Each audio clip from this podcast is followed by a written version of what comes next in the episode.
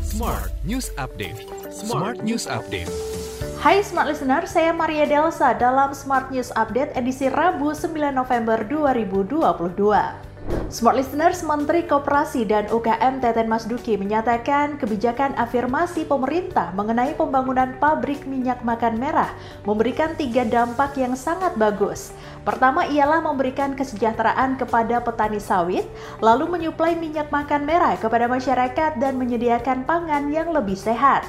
Teten mengharapkan pabrik kelapa sawit yang akan mengolah crude palm oil menjadi minyak makan merah bisa segera diproduksi dan diedarkan per Januari 2023. Berita selanjutnya, tiga pembangkit listrik berbasis energi baru dan terbarukan di Bali siap diperlihatkan kepada para delegasi asing yang hadir di konferensi tingkat tinggi G20 di Bali pada 15 hingga 16 November 2022. Staf ahli Menteri SDM bidang perencanaan strategis Kementerian Energi dan Sumber Daya Mineral Republik Indonesia, Yudo Dwinanda Priyadi mengatakan, tiga pembangkit listrik itu yang saat ini telah beroperasional menjadi tempat yang dipamerkan kepada para delegasi karena keberadaan PLTS tersebut menunjukkan komitmen Indonesia untuk transisi dari energi fosil ke energi baru dan terbarukan. Berita terakhir, Menteri Kesehatan Budi Gunadi Sadikin mengemukakan sebanyak 7 dari 14 antigen vaksin program imunisasi rutin di Indonesia sudah bisa diproduksi di dalam negeri.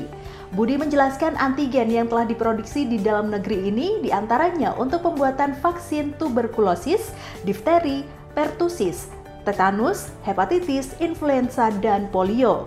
Budi mengatakan hingga saat ini peneliti di Indonesia telah menguasai tiga dari empat platform teknologi vaksin, di antaranya viral vector dan nucleic acid base. Sekian berita hari ini, sampai jumpa dalam Smart News Update berikutnya.